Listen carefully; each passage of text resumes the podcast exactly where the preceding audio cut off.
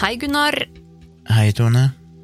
Og hei og velkommen til deg der ute som hører på oss eh, akkurat nå.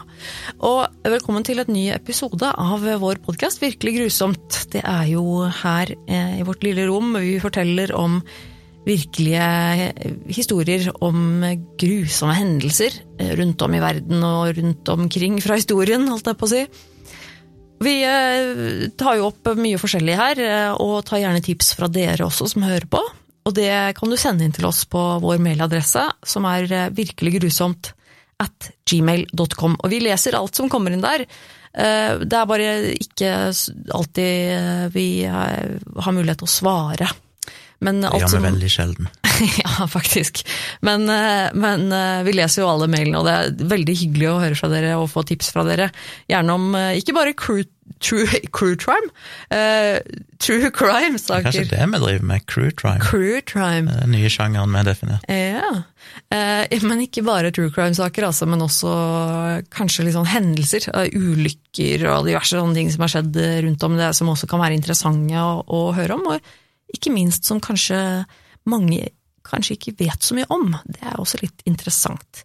Men i dag så skal vi snakke om en sak som det nok kanskje er en del av dere der ute som har hørt om. Det er jo ikke Den er forholdsvis spesiell og ikke så altfor gammel, men likevel ganske fascinerende grusom. Vil du ta det herfra, Gunnar? Ja, det er en historie som vi kan Den grusomme hendelsen kan oppsummeres veldig fort. Men det er jo alle omstendighetene rundt som egentlig er interessant. Både juridisk og psykologisk og masse mm. greier vi skal komme tilbake til. Men la ikke ta historien i seg sjøl veldig fort. Og da skal vi tilbake igjen til juni 2001 i Houston, Texas der Andrea Yates bor sammen med mannen sin, Russell, eller Rusty, som han ble kalt. Um, klokka ni om morgenen så spiste familien frokost, og familien var jo da Rusty og Andrea, som hadde fem små unger i alderen seks måneder til sju år. Har du vært busy, altså? Ja. De er glad i unger, og Russell han reiser av gårde på jobben sin, han jobber i NASA, og kort tid etter han har reist, så tar plutselig Andrea og fyller badekaret med vann, og i løpet av en time så henter hun ett og ett av barna sine og drukner de systematisk. Hun drukner først tre av de, og eh, jeg husker ikke helt rekkefølgen, men hun hadde altså fem unger der Noah var eldst, var sju år gammel, John fem år, Paul tre år, Luke to år og Mary som bare var seks måneder. Oh. Den nest siste hun drukna, tror jeg var Mary, den lille babyen, som bare ble liggende og flyte i badevannet da hun gikk for å hente den eldste gutten som hun skulle drepe sist, altså Noah, som var sju år. Men han var jo såpass gammel og oppegående at han skjønte jo hva som var i ferd med å skje, så han prøvde jo å rømme og sprang for å gjemme seg, men hun sprang etter han og klarte å ta han, drog han med inn på badet og holdt hodet hans under vann til han drukna mens søstera fløy i badevannet på sida av han. De tre første ungene hadde hun etter hun drepte de, så tok hun de én og én inn på soverommet og la de i senga. Ehm, denne babyen da ble jo liggende der og flyte i vannet, men etter hun hadde drept Noah, så tok hun den minste òg inn på rommet og la på senga, så der lå fire av ungene, mens Noah ble liggende i badekaret i vannet. Og som en kanskje skulle tro, for det har jo vært andre sånne drapssaker der foreldre har drept ungene sine, òg i nyere tid, bare de siste årene, så har vi jo lest om flere sånne saker i USA. Men da pleier det å være folk som enten tar ungene med seg i bilen og kjører av gårde ut i ødemarka, og så finner de seinere at alle er blitt drept, eller Ja, de later som ingenting og ja. skjønner ikke hvor det er blitt av disse ungene sine, og så Eller de hevder at noen andre har gjort det, prøver ja. å komme seg unna med det. Det gjorde ikke Andrea. Hun eh, ringte rett og slett 911 rett etter at hun hadde drept dem. Sa de måtte sende politi eh, med en gang, eller sånne ambulansefolk. Og så ringte hun mannen sin og sa han måtte komme hjem fra jobb. Og da politiet kom til huset, så sa hun umiddelbart at jeg har drept ungene mine. Hva i all verdens rike? Så det er jo en uh, grusom historie nok allerede der. Og så er jo spørsmålet hvorfor i all verden gjorde Andrea Yates dette? Hva fikk henne til å drepe ungene sine sånn plutselig. Det er ganske drøyt å drepe ungene sine, sine, sine fem barn. Det er liksom ikke bare én unge, og så ops. Det, altså, det er sånn fem Nei. ganger! Altså, det er, det er heftig, altså. Og det er et lite sånn tips, eller lite sånn hint om hva som kan ha skjedd, ligger kanskje i navnene til ungene, som heter altså Noah, eller Noah, John, Paul, Luke og Mary. Jeg lurer på om jeg har lest en, eh, en bok som hadde disse navnene Jeg tror ikke du navnene har lest den boka. Ja, jo da, vi leste litt i den boka da jeg var liten, sånn eh, på søndagene gjerne, nei da. Men jo, denne bibelboken da, som, eh, som gjerne inneholder blant annet disse navnene her, kan det ha noe med det å gjøre, kanskje? Ja, det er jo åpenbart at de skulle ha mange unger. Eh, fem unger har de jo fått, og alle har bibelske navn, så kanskje det har noe med saken å gjøre. Det skal vi komme litt tilbake igjen til. Men Andrea hun ble født i Halsville i Texas og var den yngste av fem unger sjøl. Hun hadde en, en eh, relativt normal oppvekst, men hun sleit nok litt. Det sies at hun sleit litt med bulimi, altså spiseforstyrrelser. Leid litt av depresjon, og da hun var 17 år, så skal hun ha fortalt en venn at hun tenkte på selvmord. Det er jo Mm. kanskje ikke så uvanlig blant tenåringer. Det det er ikke nødvendigvis noe tegn på at hun var alvorlig syk på noe vis, men, men eh, litt sånn ruskete oppvekst. Men hun gjorde det bra på skolen. Hun excella egentlig på skolen, gjorde det ekstremt bra. Eh, Og da hun var ferdig, så begynte hun å ta en utdannelse for å bli sykepleier. Og i, fra 1986 til 1994 så jobba hun som eh, sykepleier ved et eh, kreftsykehus som er veldig kjent, Texas MD Anderson Cancer Center. Mm. Sommeren 1989 så møtte hun da Russell Yates, som var ingeniør. og i- Rusty. Som de kaller han. Old good old Rusty. Ja. Som jobba som ingeniør, og jobba på faktisk eh, Space Shuttle, altså romskipsprogrammet ved NASA. Det er jo en eh, ganske kul jobb, vil jeg si. Ja. Og det er litt interessant at han var jo da ingeniør, jobba med eh, hva skal si, raketter, nesten, altså jobba med, med romfart, men var veldig ekstremt Kristen? konservativ, religiøst, ja. Ja. Som alltid for meg er litt sånn rart at du kan kombinere de tingene der. ja. Eh, ikke fordi det er noe galt i å være religiøs og jobbe med sånne ting, men han fremstår som en type som sannsynligvis tolker Bibelen ganske så bokstavelig, og kanskje da tror at jorda er 6000 år gammel, og så videre, og så jobber du fortsatt i NASA da med å sende ut eh, raketter i verdensrommet, og, ja. som egentlig burde være ganske i konflikt med ideen om at universet er 6000 år gammelt, men ok. De Ja, ja. flytta iallfall sammen og gifta seg 17. april 1993. Og det var da de uttalte, gudene vet til hvem, kanskje til venner og sånn, at de ville ha så mange babyer som naturen tillot. Så det er jo interessant. Så de fødte jo den første sønnen, Noah, da, i februar 1994. Det var jo ikke så rart at det gikk eh, radig mellom hver kid, når det bare på en måte La det skje som det skjer, liksom. Da, går, da blir det jo gjerne noen barn ut av det, da, etter hvert. Jeg tipper vel at dette er ikke folk som bruker prevensjon, så det er litt sånn hvis jo... de blir gravide, så blir de gravide, og da er det bare å komme Ja, på da- løpebånd. Ja, for da er det jo Gud som forteller dem at dette var et barn som skal bli født. Så det, sånn er det jo bare da, tydeligvis. Etter de gifta seg, så bodde de i et sånn fireromshus i Friendswood, Texas, men etter de fødte denne første ungen, så fikk, eh, eller rett før de fødte den første ungen, så fikk Rusty en, et jobbtilbud i Florida. Så de flytta der og endte opp i en sånn trailer park, altså basically sånn husvogn, som er litt uh, mer stusslig. Kanskje litt rart, for jeg vil jo tro han tjente ganske gode penger, Ja. han jobba som ingeniør i NASA, men det var nå det de valgte. Men etter de fikk den tredje ungen, Paul, så flytta de tilbake igjen til Houston. Men der flytta de òg inn i en sånn det de kaller for en eh, GMC motorhome. Men Det ser ut til å være noe de kjøpte, muligens nytt, så det er ikke sikkert det var så forfallent og fælt, men ganske sånn Mm. enkelt, iallfall. Kanskje likte å, å bo mobilt, hvem vet? Ja. Men så begynte det jo å gå litt nedover. Um, hun Altså, Andrea og, og dette ekteskapet var jo egentlig ganske normalt, visstnok. De fleste sa at hun fremsto som ganske så frisk. Det var ikke noe spesielt som skjedde i oppveksten, annet enn det vi nevnte tidligere. Hun var oppdratt som katolikk, og mannen hennes var metodist. Begge hadde jo, som jeg har sagt, eh, høyere utdanning. Så alt sånn sett var jo, var jo helt greit. Men etter at eh, de gifta seg i 93, så slutta jo Andrea jobben sin for å bli gravid. Og i løpet av de neste 20 årene altså, så fikk hun da fem unger, og hadde én spontanabort. Mm. Så her er hun jo basically blitt gravid så fort det er mulig. Hun har født altså fem unger på 20 år, da må du jo Ja, da må det du bli gravid sånn umiddelbart etter du er født Og det høres utrolig slitsomt ut. Uff, men ja, det må om det. Ja. Så eh, de hadde jo en litt ukonvensjonell måte å leve på, for de levde jo i sånne trailer homes, og i en periode så bodde de jo i en omgjort buss, visstnok. Og de hjemmeskolerte alle ungene sine. Fikk ikke noe hjelp utenfra. Så hun Andrea hun skulle altså da ta vare på fem unger, skolere de, gjøre alt hjemme mens mannen var på jobb. Og Wow. I tillegg så hadde hun en far som var alvorlig syk med Alzheimer, som hun òg måtte ta vare på. Ja, ok, det er ikke Så ikke enkeltliv. Nei, det høres faktisk veldig heftig ut. Det er også Noe i historien her kan jo tyde på at hun også kanskje eh, hadde litt problemer etter fødsler og sånne ting. Mm. Men de var jo religiøse, som vi var innom, og de var ikke helt sånn vanlig religiøse.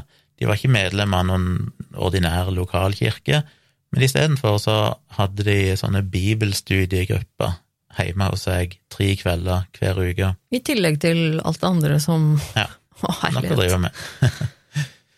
Eh, og han Rusty, altså mannen hennes, han hadde da i løpet av utdanninga si kommet borti en veldig sånn fundamentalistisk eh, eh, Hva heter det da? Preacher, så det er stille for meg.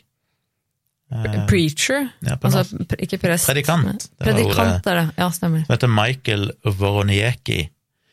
Og han var en veldig sånn fundamentalistisk eh, fyr som snakka om helvete og eh, du skal, ja, og hvor fælt helvete var og Satan og djevelen. Det var liksom Oi. litt sånn som i min oppvekst, holdt jeg på å si. Så der var det veldig sånn at eh, alt var en kamp mot Satan, og Satan var der hele tida, og alle var i ferd med å havne i helvete. Det alt, alt handla om å liksom kjempe imot dette her. Ah, da hadde jeg også blitt deppa, så vi skal bo og høre på det der hele tiden og sånn. Det- Og han hadde et spesielt fokus på at foreldrene hadde et spesielt ansvar for å passe på at ungene ble frelst. Å, Så det var foreldrene sitt ansvar å sørge for at ungene fikk den riktige oppdragelsen og fulgte veien mot Jesus. For hvis ikke, så havner de i helvete. jeg begynner å kjenne at jeg syns litt synd på hun Andrea Yates her. Og han gikk jo også så langt som å si at hvis det var en risiko for at ungene dine på en måte eh, skeia ut og, og levde i synd, så var det faktisk bedre at foreldrene tok livet sitt, enn å Oi. fortsette å oppdra dem sånn at de kunne ende opp med at eh, ungene deres havna i helvete sjøl. What?! Så det er jo en eh, interessant Det er måte å, å leve på. helt sinnssyk ting å si. Så de eh, var veldig inspirert av han, og på et eller annet tidspunkt òg så hadde de vel kontakt med han via brev eller e-post eller et eller annet sånt, og spurte han litt om råd i forhold til ekteskap og alt mulig sånn. I seinere tid så har han Voronieki sagt at han hadde ingen innflytelse på det som endte opp med å skje, da, disse drapene. Klassisk ansvarsfraskrivelse der, altså. Ja, og det vet vi ikke heller. Det kan godt være han ikke hadde noe med det å gjøre, at han, han mener vel sjøl han bare svarte på, ga de råd om andre ting, ikke noe som skulle peke det i retning av at noe sånt skulle skje. Men, men ut ifra det han hadde pre, preka om tidligere, så, så var det jo litt sånn shady, uten tvil. Kort tid etter at eh, Andrea fikk den første ungen, så begynte hun å utvise symptomer på at hun sleit litt psykisk. Hun hadde noen eh, hallusinasjoner, som blant annet handler om knivdrap, eller iallfall å stikke noen med kniv. Mm. Men uh, hun klarte seg relativt greit, helt fram til den fjerde ungen. Og da ble hun mye dårligere, og prøvde å ta livet sitt ved å ta en overdose av medisiner. Hun ble kjørt til sykehuset, men fordi forsikringsselskapet hennes ikke ville dekke mer enn et visst antall dager med behandling, så ble hun skrevet ut for sykehuset før symptomene var gått over. Flott. Og det er jo ja, eh, amerikansk helsevesen og forsikringsbasert helsevesen er jo ikke nødvendigvis optimalt, for å si det mildt. Mm. Så det er jo litt trist. Men hun fikk iallfall med seg eh, medisiner, hun fikk noen antidepressiva, men de ville hun ikke ta.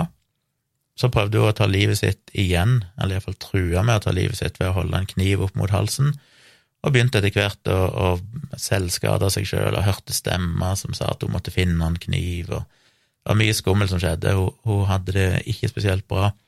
Hun ble dårligere og dårligere, og etter hvert så anbefalte doktorene at hun burde få elektrosjokkterapi, men det nekta familien at hun skulle få. Har hun fått noen diagnose på dette tidspunktet her, da? Eh, ikke ennå, men det kommer vel etter hvert, eller mulig å ha fått det, men vi skal iallfall komme tilbake igjen til hva det var. Ja. Men hun fikk i hvert fall med seg en del medisiner, blant annet sånn antipsykotiske medisiner, som så ut til å hjelpe veldig. Det letta på symptomene, selv om Andrea sjøl ikke var så veldig fornøyd med dette. Hun mente at de hadde gitt henne et sannhetsserum som gjorde at hun mista kontrollen over seg sjøl. Og på det tidspunktet så hadde de jo ytre ønske om at de ville prøve å bli gravid igjen så fort som mulig, for her gikk det jo bare i å bli gravid fortest mulig hele veien. Ja, for all del. Ja, Det er, det, ene, det er nok det de mangler i livet sitt nå, en unge til. Men eh, psykiateren advarte de sterkt mot å få en, en ny unge, Mm. fordi mm, hun, jeg tror det var ei dame, mente at det nesten helt sikkert ville utløse en ny psykotisk episode. Så det var ikke så lurt. Ja, det, det er jo Ethvert fornuftig menneske ville jo kanskje tenkt at det, det å få en unge til i den situasjonen der, er jo kanskje det dummeste du gjør. Ja, men samtidig så var vel de av en eh, tru om at det var det som var deres misjon på jorda. Ja. Det var jo å få flest mulig unger, og det var, en, eh, det var viktigere enn alt.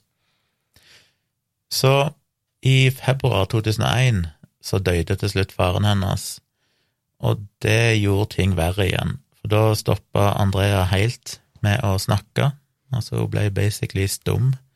Hun slutta å innta væske, hun slutta å amme denne babyen sin, Mary, som hun da tydeligvis hadde fått et eller annet sted oppi her. Ja, hun fikk jo, ja det stemmer det, for hun fikk jo denne, denne ungen, og så døde Ja. faren hennes rett etterpå, og det er jo sånn klassisk at en sånn litt sånn traumatisk hendelse som at noen dør som man er glad i, det er sånn som kan være en veldig sånn triggende faktor. Mm. Og det var det tydeligvis for Andrea òg, da. Så hun fikk baby, faren døde, hun ble dårligere, begynte å rive ut håret sitt, blant annet, Uff. som er litt sånn tvangsprega greie. Hun fikk jo ideer om at det var videokamera som overvåka henne i huset, og at folk på TV snakka til henne. Så hun var såpass sjuk da at hun ble innlagt på sykehus for tredje gang, og der eh, spesialiserte de seg egentlig på rusmisbruk, og det var et sykehus som ble valgt av mannen hennes fordi det var så nærme. Så kanskje ikke de beste folkene å bruke, men det var liksom mer sånn praktiske årsaker, så ble hun innlagt der. Så der fikk hun en ny psykiater som òg begynte å gi henne antipsykotiske medisiner. Ja, for det er vel tydelig at hun har en fødselspsykose. Ja.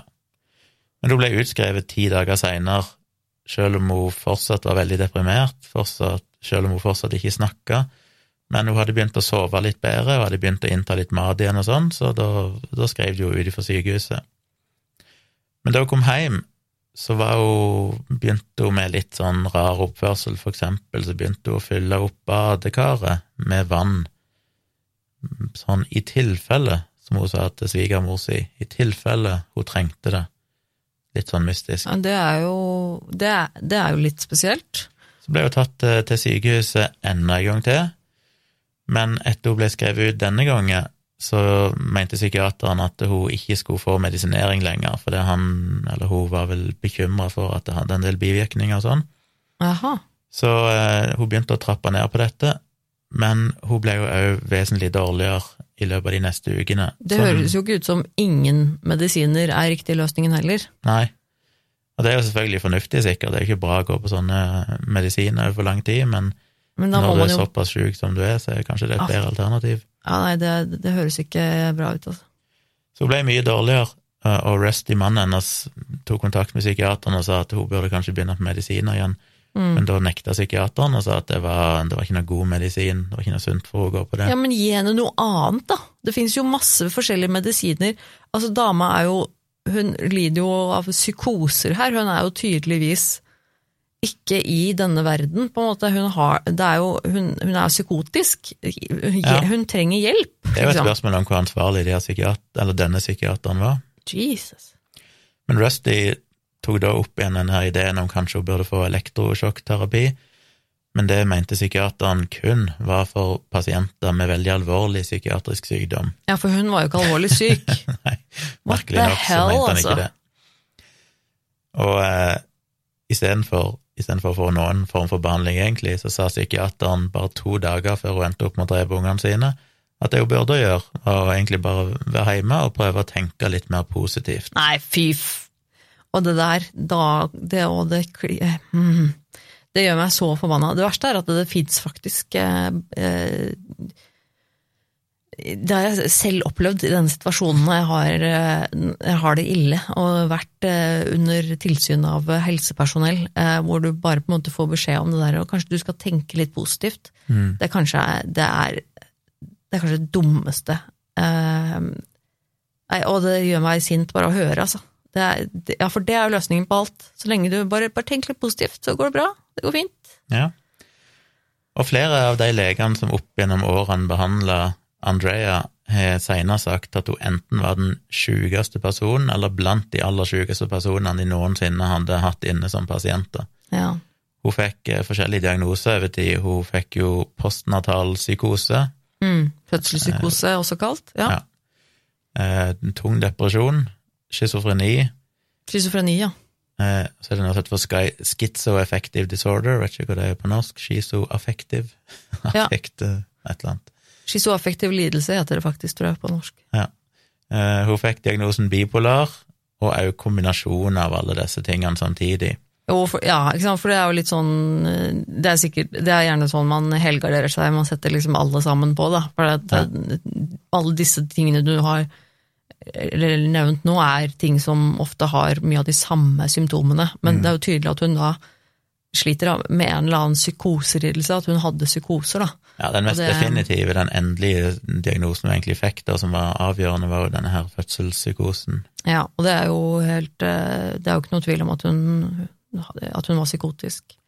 Og det er jo ikke så veldig uvanlig, altså sånne fødselsdepresjon eller sånne ting som kommer i etterkant av en fødsel, kan være alt ifra at du bare i litt sånn kort tid føler jeg litt sånn nedfor etter en fødsel, Mm. til mer mm, tung depresjon, eller iallfall ja, i hvert fall en depresjon som Mm. kan ramme 10-15% av alle damer etter de føder barn.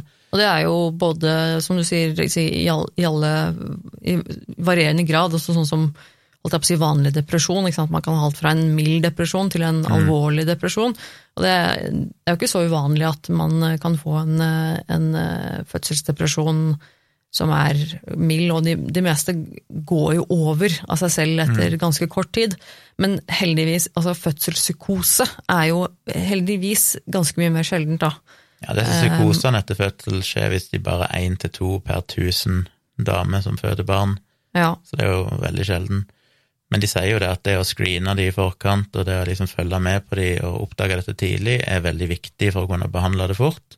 Og så er det også selvfølgelig det med at øh, man gjerne har anlegg for mer eller mindre, liksom, da, i livene sine. Sånn mennesker som, eller kvinner som har eh, spesielt bipolar lidelse, kanskje i, som har slitt med det i forkant, eh, er gjerne kanskje litt mer eh, i risikogruppen for å utvikle det etter fødsel. Sammen med altså, andre psykiske lidelser og depresjon, men det er også sånn som går i kan gå i, i arv, så hvis man har på en måte anlegg for det, så kan det ofte være lurt å, å ha noe sånt i bakhodet, da. Og, og, og ha, få litt oppfølging eh, under graviditet og ikke minst, da.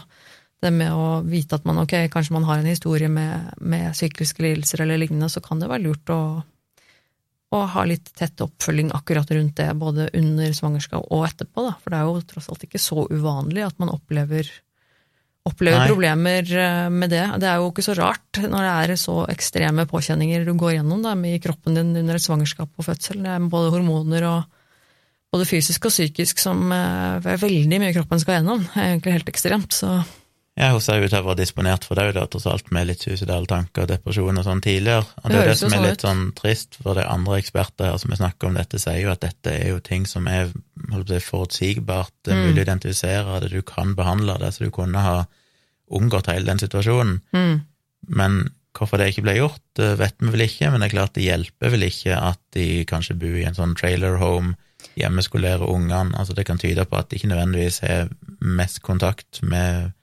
med helsevesenet. Jeg vet ikke hvordan ting skjedde når de fødte ungene, vet ikke om det var hjemmefødsler i tillegg. og det virker jo ikke som de har de sterkeste ressursene rundt seg her, på en måte. Enten om at de bare, altså, ikke har så mye eh, økonomiske ressurser og sånn, muligens, virker det kanskje litt som i forhold til hvor de bor og, og sånn, men også det med at de omgir seg da i, i, et, i et samfunn som er kanskje veldig mye mer opptatt av det religiøse og, og sånne ting eh, enn det å oppsøke medisinsk behandling og sånne ting, da. Mm. Det kan jo virke som om hun har hadde et ganske dårlig utgangspunkt, sånn sett. Ja.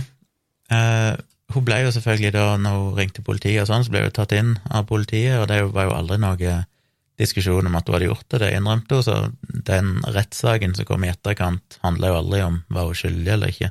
I Mm. utgangspunktet alle visste at hun var skyldig, det innrømte hun òg. Men det ble jo selvfølgelig et spørsmål om hva hun eh, tilregnelig når Mm. dette skjedde.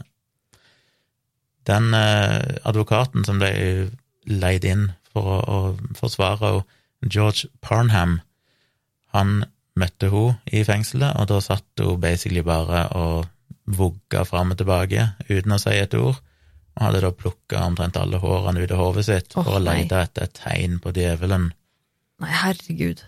Så hun var ikke helt frisk, og det det første hun spurte advokaten om, var når kan jeg havne på eh, death row?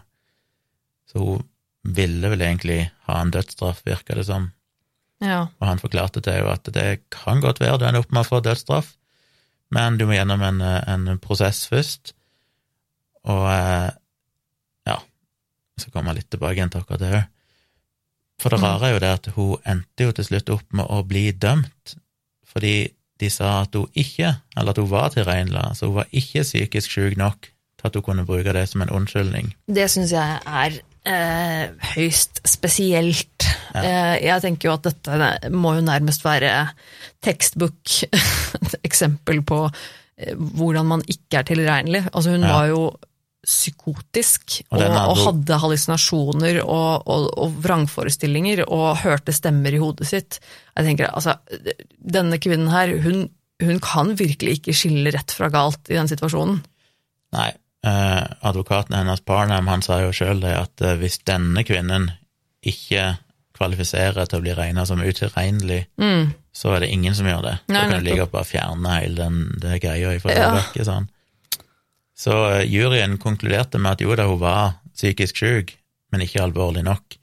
Nei, Så de ville jo, de ville jo at hun skulle få dødsstraffen, og det er jo ikke helt ubetydelig akkurat der denne rettssaken gikk, for det gikk jo for det første i Texas, der de henrettet flere folk enn i noen annen stat i USA, men ikke bare det, det var jo i Harris County, som er det altså fylket i staten som henretter flest mennesker Ja, i staten. Så det er basically det stedet i USA der er flest, størst sjanse for å få en dødsstraff. Men eh, hun endte jo da opp med å bli funnet skyldig, men fikk livstid i fengsel istedenfor. Men så er det jo litt interessant, og dette visste jo ikke jeg, at i alle stater i USA, bortsett fra Texas, er det vel, så har de ikke Så har de en lov som adresserer dette med drap av spedbarn på en spesiell måte. Oh ja. Men Texas er altså ikke det. De behandler drap av spedbarn på samme måte som alle andre drap.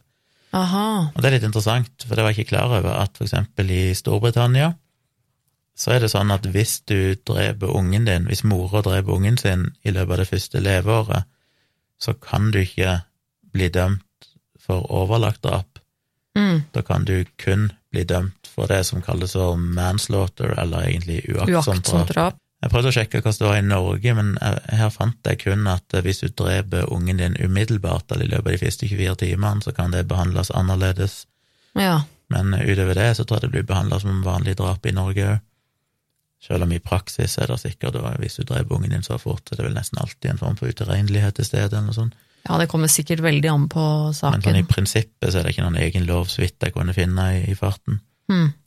Eh, Så de fleste stater så tar de høyde for dette og har litt forskjellig lovgivning. I Texas er de ikke det. Og så er det jo dette med å være tilregnelig, da. For det er den loven de har i Texas, er opprinnelig basert på noe som heter for Norton Rule, som egentlig kommer fra en, en sak i Storbritannia i 1843, som definerer utilregnelighet gjennom en sånn to, to deler, to, to eh, ting som må kvalifisere til.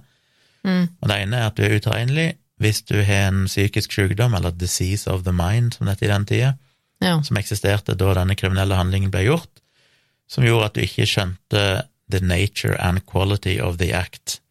Altså du basically ikke skjønner hva Hva du gjør. foregår, Ja. hva du gjør.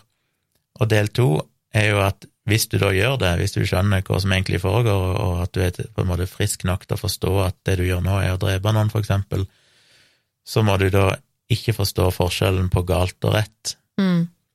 Men i Texas er de fjerna den første delen, så der er det kun et spørsmål om var du i stand til å forstå at dette var galt eller ikke. Det er det eneste kriteriet de har for om du er tilregnelig eller ikke. Wow. Så de tar egentlig ikke høyde for dette her med at du må være psykisk syk og, og eh, forstå hva som egentlig foregår, at du er på en måte oppegående nok til å skjønne hva du driver med. Mm. Det er kun liksom var du så frisk at du skjønte at dette var galt eller ikke. Og eh, det kan kun skje når du er veldig alvorlig sjuk, men det er du, den som er sikta, da, som må som har bevisbyrden, som må kunne bevise at de da eventuelt var sjuke nok. Ja. I, uh, I Storbritannia, som sagt, så har de jo revidert dette i seinere tid, så det er litt interessant at Texas har jo henta loven ifra en britisk lov, men så har jo da britene seinere modifisert dette og endra Ah. og forbedra det, mens de har bare beholdt den samme gamle 150 år gamle loven i Texas. ja, det overrasker meg ikke. Ja. Og eh, ja, så jeg, jeg skal, hvis noen vet noe om hvordan dette er i Norge, så send gjerne mail. Det er litt interessant sånne ting. Mm. Om det er noen egne lover for det i Norge. Jeg lurer på om de vet hva psykisk sykdom egentlig er i Texas. Jeg tror ikke de har noe plass for eh, kompleksiteter der. Det er liksom enten-eller. Ja. Jeg blir så oppgitt. Så det er jo mange som har kritisert det etter ettertid, da, denne lovgivninga i, i Texas, og hele definisjonen av eh, om du er tilregnelig eller ikke, og dette med at du ikke har noen spesielle lover for drap av spedbarn. Eh, det var selvfølgelig ikke alle disse spedbarna, noen var jo opptil 20 år gamle, så det ville ikke vært relevant uansett, men, men de sier jo det, noen som er forsvart og sier at hun visste nok kanskje litt sånn abstrakt at det hun gjorde var galt, men hun mente jo samtidig at det var det rette å gjøre. Mm. Og det er jo det som er litt sånn komplekst, at ja, hun skjønte kanskje at ut ifra et menneskelig standpunkt, så visste hun at det er ulovlig å drepe noen. Ja, og sikkert ut fra, ja, og sikkert ut fra loven og sånne ting, så Ja. visste hun at det på en måte var ansett som galt. Men hun var jo hellig overbevist om at det var likevel det rette å gjøre, Ja. av religiøse grunner, som jeg skal komme litt tilbake til. Ja, og veldig ofte i sånne saker så hører man jo at at det har vært Altså at, at mor, da i de fleste tilfeller er det ofte mor eller far eller den som dreper barna, da har, har en eller annen vrangforestilling som hvor det enten er da, ikke sant, stemmer i hodet eller et eller annet, hvor de er overbevist om at øh, det eneste du kan gjøre som er riktig å gjøre for barna dine, er å drepe dem. Altså at det er den eneste måten du kan redde dem, på en måte, da. Det Det var det som var sånn tanken hennes òg. Hun mente at hun var besatt av djevelen, mm, og hun oppfostra ikke ungene, oppdrog ikke ungene sine på en måte som gjorde at de ville havne i himmelen. Ja, ikke sant. Fordi hun leda de ut i synd, og det minner jo veldig om det han der predikanten da hadde lært oh. de, at det var foreldrene sitt spesielle ansvar. Istedenfor å drepe seg selv, så han drepte hun ungene. Ja, for det hun fant ut, det at hun kunne på en måte hacke systemet, for det at hvis hun bare drepte ungene sine, Mm. så ville de havne i himmelen, Ja, nettopp. og enda bedre, hvis da staten endte opp med å henrette hun etterpå. Så kom hun i himmelen Så- sammen med dem. Nei, det gjorde ikke nødvendigvis, men da tok hun med seg djevelen i samme slengen. Å, sånn, at de da henretta djevelen, fordi djevelen hadde Inn, på possessed så, ja, liksom. ja, ja, ja. Så for ja, henne så ga jo dette totalt rasjonell mening i hennes hode, så var liksom ja, Dette det er det beste for ungene. Det beste som kunne skje for ungene, var å bli drept, for da havna de i himmelen. ja, men altså, tenk deg, Jeg skjønner jo det. ikke sant? Det er sånn, Hvis det er virkeligheten i hodet ditt, så er det jo helt logisk. Ja. Altså, det, det er jo oh, Og Derfor blir det jo vanskelig med dette med tilregnelighet òg, for det er sånn at ja, hun skjønte jo kanskje at det var galt å drepe dem, men samtidig så var det jo det det rette å gjøre likevel. Mm. Så da er det litt sånn, kan du skille rett i for galt? Ja, på Ja hvilken måte, nei. liksom. Ja, Eh, ja nei, uff. Så det er jo krevende. Men denne her saken har jo stilt litt sånn spørsmål med dette med ekspertvitner, som òg er problematisk, for ekspertvitner har eh, Ja, det- Virker det som, i hvert fall i USA, en veldig høy status. Jeg vet ikke helt hvordan det er i Norge. Ja, det var en interessant diskusjon i seg sjøl, det der med Men uh, det ene ekspertvitnet som ble brukt, var jo en psykiater som heter Park Dietz, og han uh, ble da leid inn for å intervjue og evaluere Andrea Yates, og da stille som ekspertvitne i saken. Mm. Men han hadde jo ingen spesiell ekspertise på dette med sånn eh, fødselsdepresjoner og fødselspsykose og sånne ting. No, han hadde ikke ikke behandla pasienter på egentlig over 20 år. What? Og sist gang han hadde hatt en pasient som hadde noe sånn post, eh, postnatal depresjon, det var i 1977, sånn Ja, ok. 4-25 år tidligere. Høyst relevant. Og han hadde vel aldri noensinne hatt en pasient som leide, med, av sånn fødselspsykose, så han hadde jo egentlig ikke noe ekspertise på dette i det hele tatt. Nei. Men han hadde jo vært leid inn i flere sånn kjente saker, blant annet eh, ei som heter Susan Smith, som drepte ungene sine ved å kjøre bilen ut i en dam eller en, en innsjø. Mm. Eh, Ted Kaczynski, altså Unabomberen, Ja. og Jeffrey Dahmer. Ja. Men interessant nok i saken med Jeffrey Dahmer, som jo tross alt var en fyr som en seriemorder som blant annet hadde hovene av ofrene sine i fryseboksen, Mm. så mente jo Dietz at han òg var tilregnelig. Nå kjenner ikke jeg den saken godt nok, men det høres jo kanskje ja, okay. litt rart ut, det òg, at han, eh, han hadde jo en historikk da tydeligvis med å ikke mene at folk nødvendigvis var utilregnelige, selv om de gjorde ganske ekstreme ting. Ja. Eh, Som selvfølgelig kan være sant, men eh, neppe i denne saken. Så han eh, konkluderte jo da med at Andrea Yates ikke var utilregnelig. Han mente at hun visste godt at det hun gjorde var galt, eh, spesielt fordi at hun da veldig tydelig uttrykte at det var Satan som hadde fått henne til å drepe ungene sine, og ikke Gud. Mm. Og det er jo litt interessant, for at hans resonnement er at fordi det var Satan, som da er noe som er ondt, så må hun jo ha visst at det var galt, for det Ja, Satan men- gjør jo onde ting. Det er jo ikke Men- sånn det funker. Altså, Nei, men så er vel realiteten at hun ville beskytte dem for Satan, sånn at hun egentlig gjorde en god ting ved å få sendt dem til Gud, altså til Mm. himmelen, så det blir jo litt sånn ja, men da Han fyren her Altså, til og med jeg skjønner jo Altså, hallo. Og han hadde diett, han fortalte jo juryen at hun hadde ikke noen hallusinasjoner før dette skjedde. Hvis hun hadde et eller annet, så var det, var det kun noen sånne ja, eh, invaderende tanker som hun var besatt av. Altså Han klarte på en måte bare redefinere det, selv om det kanskje basically er det samme, men det var Trodde- ikke hallusinasjoner, da. Jeg trodde de hadde eh, Altså, skulle jo tro de hadde da eh, Hva heter det, altså sykehusjournaler fra innleggelsene hennes tidligere og sånn også, som da Ja. eventuelt kunne tilsi at hun faktisk var psykotisk. Hun hadde jo til og med blitt eh, fått medisiner mot psykosen sin, så det det er jo i så fall tidlig, at for han er jo intervjuet i anledning selve drapene, så hans påstand var bare at i forbindelse med de siste drapene, Jo, eller det- de faktiske ja. drapene, så hadde hun ikke hallusinasjoner, og det finnes vel ikke noe jeg lege... kan, jeg kan skjønne det argumentet, men jeg vil jo likevel påstå at en, en Historikken rett burde jo bety noe, ja. ja, så burde det ha noe å si, da, når hun har vært så syk. Med, Det kan virke som at han hadde en spesiell autoritet, og jeg Ja. vil jo anta at de kanskje hadde flere inne for forsvaret. Han òg sikkert hadde inne psykiatere som, som sikkert sa det motsatte, da, eller sa at jo da, hun hadde disse og disse diagnosene, men kanskje fordi han var involvert i Jeffrey Dahmer-saken og Unabomber-saken og sånn, så kanskje han hadde en sånn høy status at juryen Ja, følte det- at han var ekspert. Og det er, åh, det er så sketchy det der, altså. Fordi at han da kanskje har en eller annen meritt som tilsier at det, det han sier er riktig. Mm. Så plutselig så kan han nesten si hva han vil, han, og så blir det på en måte bare tatt som god fisk. Selv om han kanskje ikke er den beste eksperten på akkurat det området. Så hun eh, ble jo altså dømt da som skyldig, men fikk livstid i eh, fengsel heller enn dødsstraff. Mm. Men så ble jo denne dommen omgjort noen år seinere, Heldigvis. og det er jo litt interessant hva som var årsaken til det. Og da er vi jo tilbake igjen til denne Park Dietz, denne psykiateren. For det som skjedde, var jo at han i sitt eh, firma blant annet hadde jobba litt som konsulenter for to veldig populære TV-program. Det ene var Law and Order, og et annet sånn spinner som heter Law and Order Criminal Intent. Mm. Og han sa jo i rettssaken at veldig kort tid før disse drapene skjedde, så var det en episode av denne serien Law and Order som hadde nettopp vist en mor med fødselsdepresjon som drepte ungene sine, og som ble da eh, frikjent fordi hun ble regna som utilregnelig. Mm.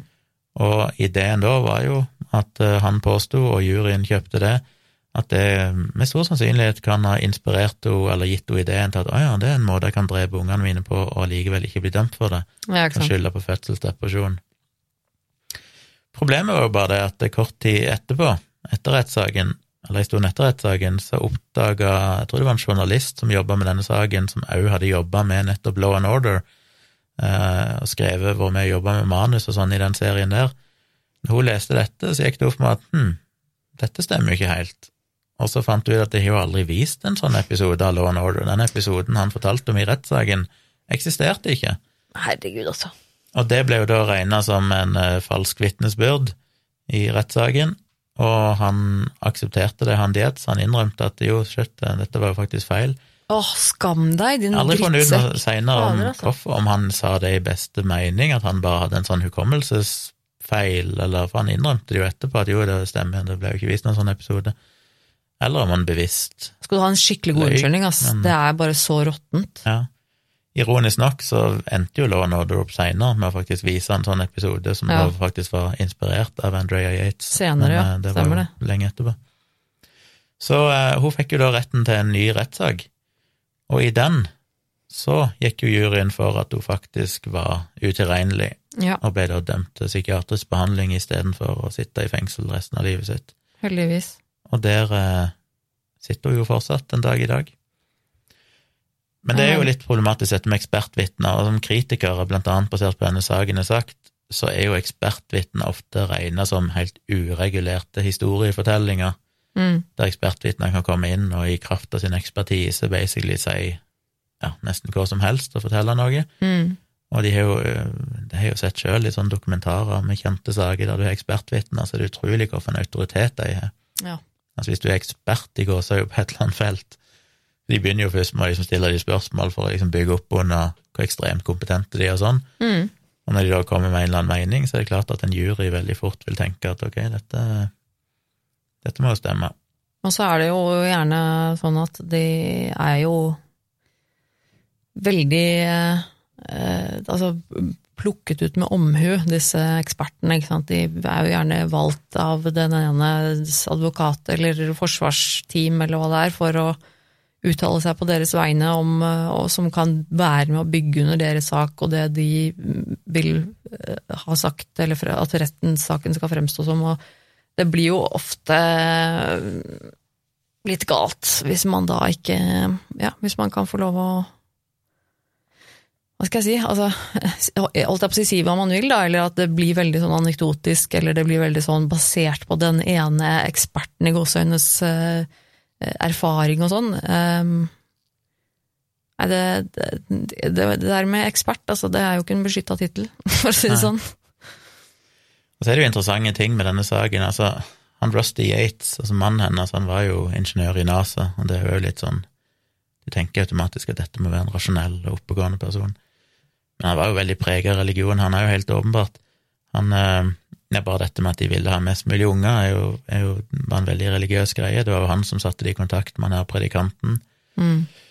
Og han fikk jo òg beskjed eh, ganske tidlig at han ikke skulle la hun være uovervåka eller alene hjemme, for det at psykiateren og de som behandler henne, sa at eh, hun er nok ikke trygg for seg sjøl og omgivelsene. Ja, det også fikk jeg jo litt inntrykk av, for han, eh, han har jo vært der hele tiden, han, under på en måte disse årene hvor hun var syk, og inn og ut Mm. av sykehus og medisinering og alt mulig, så det er klart at han vet jo at hun er syk, og, og han, han har jo på en måte fått med seg dette her. Så han har jo han må jo ha noen tanker rundt dette her, og når i tillegg da helsepersonell sier at eh, ok, hun, du må holde henne under oppsyn, hun bør ikke være alene og er ikke alene med barna og sånne ting, så Mm. Er jo det kanskje noe man bør ta på alvor, eller? Men han fant jo sjøl ut på eget initiativ da, han, gjorde vel, han følte kanskje det i starten, men etter hvert så begynte han å liksom la henne være litt alene, mer og mer, for han ville at hun skulle liksom lære seg å bli litt mer uavhengig. Ja, han tenkte vel det. Altså, bare hun får, bare hun får prøvd seg litt, så går det bra. Ja. Og så har det jo vært omstridt i hvilken grad Rusty visste om hennes diagnose, som du er inne på. Han hevder jo sjøl etter rettssaken at han aldri visste at hun var psykotisk. Eh, ei heller at hun noen gang sto i fare for å kunne skade ungene. Og hvis han hadde visst noe om det, så ville de aldri fått flere unger. Men Nei. hun har jo sjøl sagt til en eller annen psykiater som hun har fått behandling av i fengselet, at før de fikk den siste ungen, så hadde hun sagt til Rusty at hun ikke ville ha sex fordi psykiateren hennes hadde sagt at hun kanskje ville skade ungene sine. Ja.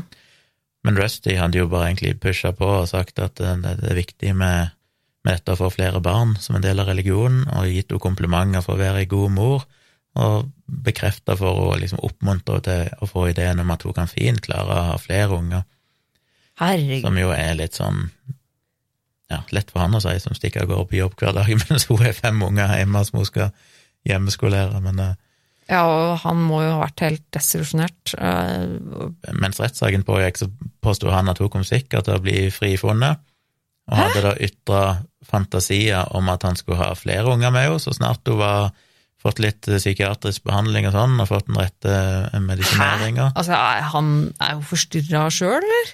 Ja, altså Han òg hadde masse ideer om hvordan de kunne gjennomføre dette. For eksempel, de kunne jo for eksempel ha en surrogatmor, og de kunne adoptere. Å, altså, det var liksom, for han var det jo bare å ha flere og flere unger, nesten uansett om hun var i stand til det eller var til stede i det hele tatt. Men endte okay. vel opp med at eh, noen få år etter at hun endte opp med å bli dømt første gang, før hun hadde sin andre rettssak i mellomtida der, så, Mm. eh, så skilte de seg vel, og han fant ei ny dame som han gifta seg med. Som kan pumpe ut noen flere unger for han? Jeg tror faktisk de bare fikk én unge, og så gikk det vel ti år eller noe sånt, så ble de òg skilt, men det var Yes. ikke noe masseproduksjon av unger, unger der. Han var jo tydeligvis ikke helt oppegående, han fyren her. Ja, på forskjellige områder så var han jo det òg, da. Blant annet så har det jo vært diskutert dette her med medisineringa hennes, at det virker som at hun fikk noe eh, uansvarlig medisinering, og fikk jo dette her antipsykotiske middelet Haldol. Ja. Heter det det på norsk òg, eller er det et annet? Jeg vet ikke om det heter det på norsk. Det kan hende det gjør det. Sånn iallfall ut at det var snakk om at hun vel kanskje fikk eh, en dose som var minst dobbelt så høy som det som er anbefalt, altså dobbelt Oi. av maksimum dose den siste måneden før hun drepte ungene sine. Og da ville jo han psykiateren etter hvert si, han som jeg nevnte tidligere, ville at hun skulle slutte med medisiner, så hadde jo psykiateren egentlig sagt hun skulle trappe ned til 300 milligram, altså en reduksjon på 150 milligram. Men da hadde vel Rusty sjøl sagt at det hørtes ikke så lurt ut, for han hadde drevet og researcha dette litt sjøl og funnet ut at du skulle aldri redusere med mer enn hva det, 75 milligram per tre eller fire dager når du skulle trappe ned. Så vet jeg hvem som har rett i dette, da, men det virker som at han hadde uttrykt bekymring over at det var kanskje ikke så smart å bare plutselig redusere medisineringa der såpass dramatisk. Ja, ok, han, Men han visste ingenting om at hun var psykotisk. Altså, Nei, han, det Nå må bestemme deg, altså. Ja. altså det er sånn, nei, Han visste ingenting at hun var så syk, han, men likevel så syntes han det var veldig dumt at de skulle gi henne mindre Altså, her Han er jo ikke åh, Ja, han eh, sier jo tydeligvis at han visste hun ble medisinert for det, tydeligvis ganske alvorlig, så Så det, det er litt motstridende, for å si det mildt, ja. Uh, Ja. Så det er en interessant eh, sak. Det har vel ført til at mange har jobba for å blant annet få mer fokus på dette med fødselsutløst psykose. Blant annet spesielt i sånne drapssaker, at folk skal skal ha mer forståelse for det i rettssaker, at de skal endre lovverket litt der for å ta høyde for at det er en greie, og at de Mm. skal da behandle den type drap litt annerledes. Og det er vel òg vår, vår fokus på dette med ekspertvitner, at de kanskje må må gjøre noe der. At det, det viste jo denne saken ganske tydelig, hvor alvorlige konsekvenser det kan ha når et ekspertvitne basically bare får påstå et eller annet som det viser seg å være helt feil. Ja. Og heldigvis ble det jo oppdaga, og, og dommen ble omgjort, men eh, Og så lurer jeg òg litt på Hun er jo under behandling fortsatt. Hun har sittet inne i, nå i 20 år og fått behandling. Mm. Får jo anta at det er nødvendig, men sånn en del av meg tenker litt sånn, ja, ok, det er én ting at du blir ikke dømt til fengsel, og du blir dømt til tvungen psykiatrisk behandling istedenfor, men for meg er det litt sånn, ikke det er jo nesten Jeg syns hun skal ha behandling, men 20 år etterpå er jo en trussel mot omgivelsene fortsatt. Eller blir hun holdt inne til, til på en psykiatrisk institusjon som en slags straff for at hun drepte ungene sine. For det føles òg litt feil. Sånn, hvis hun var så sjuk som hun var, hvorfor skal hun straffes i det hele tatt?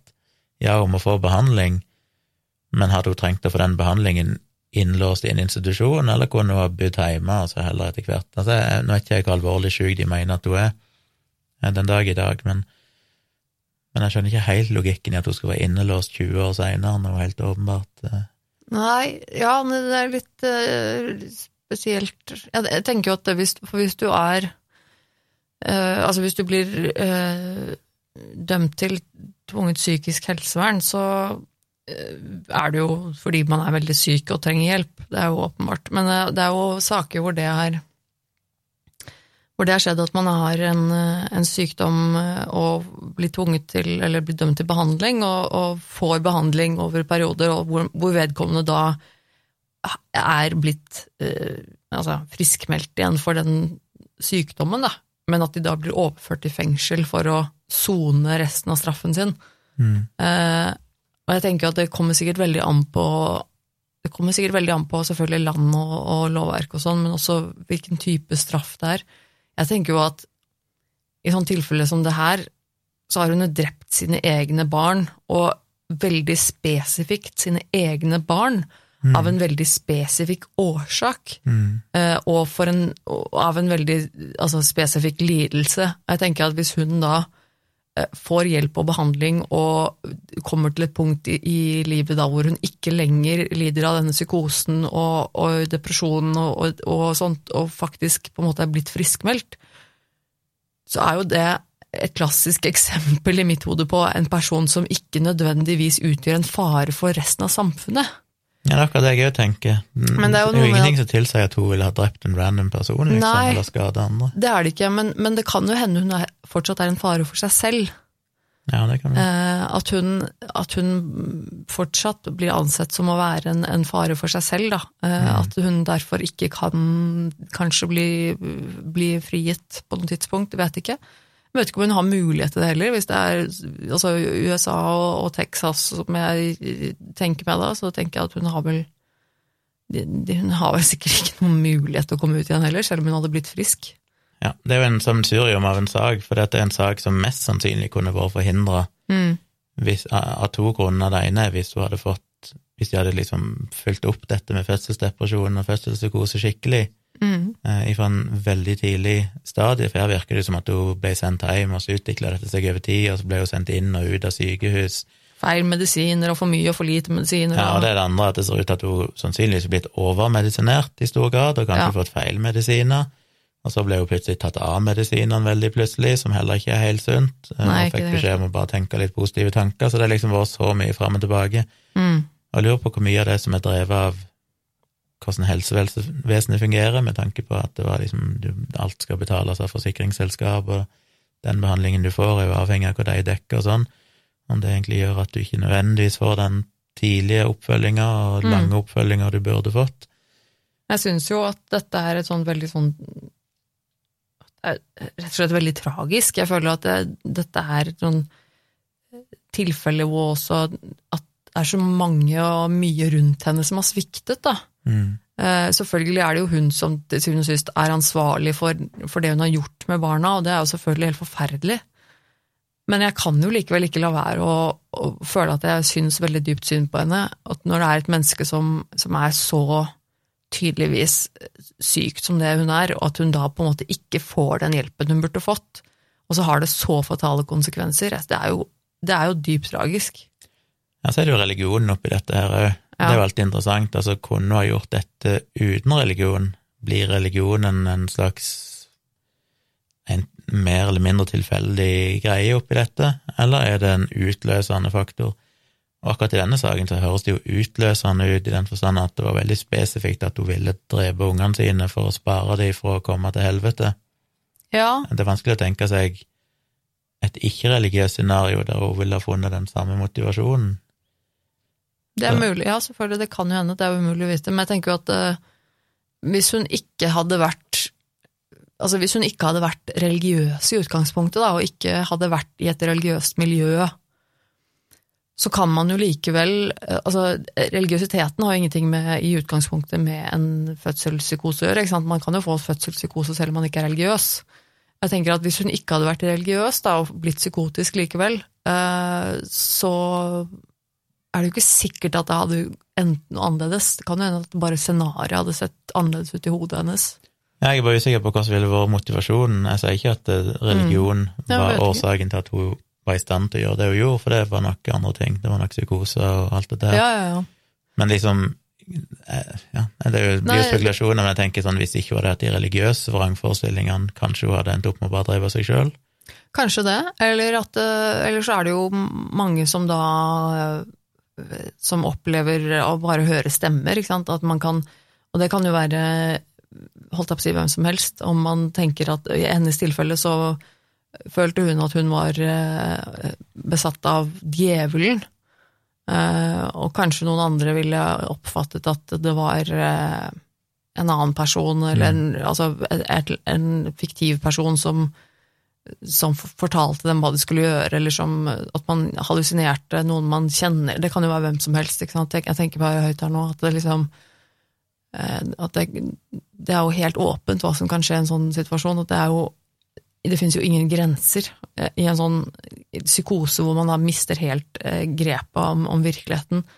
Ja, Ja, gudene det vet. kan være hva som helst, da. Men det jeg er jo nysgjerrig på, det er jo hvilken effekt den religiøsiteten hadde på behandlingen hun fikk. Om det gjorde det Ja, vanskeligere det- for henne å ta imot behandling, Ja, for det tenker jeg jo at det har vært et Jeg tenker jo sånn som jeg ser det, at det har vært et åpenbart eh, en åpenbar hindring og et handikap for henne her. Det med at hun var i det miljøet, da. Både med mannen hennes, men også da mennesker rundt henne, da, som, som, som da heller vil ty til eh, ja, religiøse holdt jeg på å si løsninger, enten om det er å liksom be til Gud for deg, fremfor å ta og gå og søke medisinsk hjelp. Ikke sant? Det er klart, det, jeg tipper det har helt sikkert noe med det å gjøre. Men det kan hende det av hennes virker jo litt som om det var hennes egen over, overbevis- overbeviselse også. At hun eh, For hun ytret jo noen, eh, så vidt jeg skjønte, meninger om at nei, hun ville ikke ha medisin alltid, og men det er jo ikke godt å si om det er religiøse årsaker, eller om det er hennes egen sykdom da, som sier at nei, jeg er ikke syk, jeg trenger ikke dette.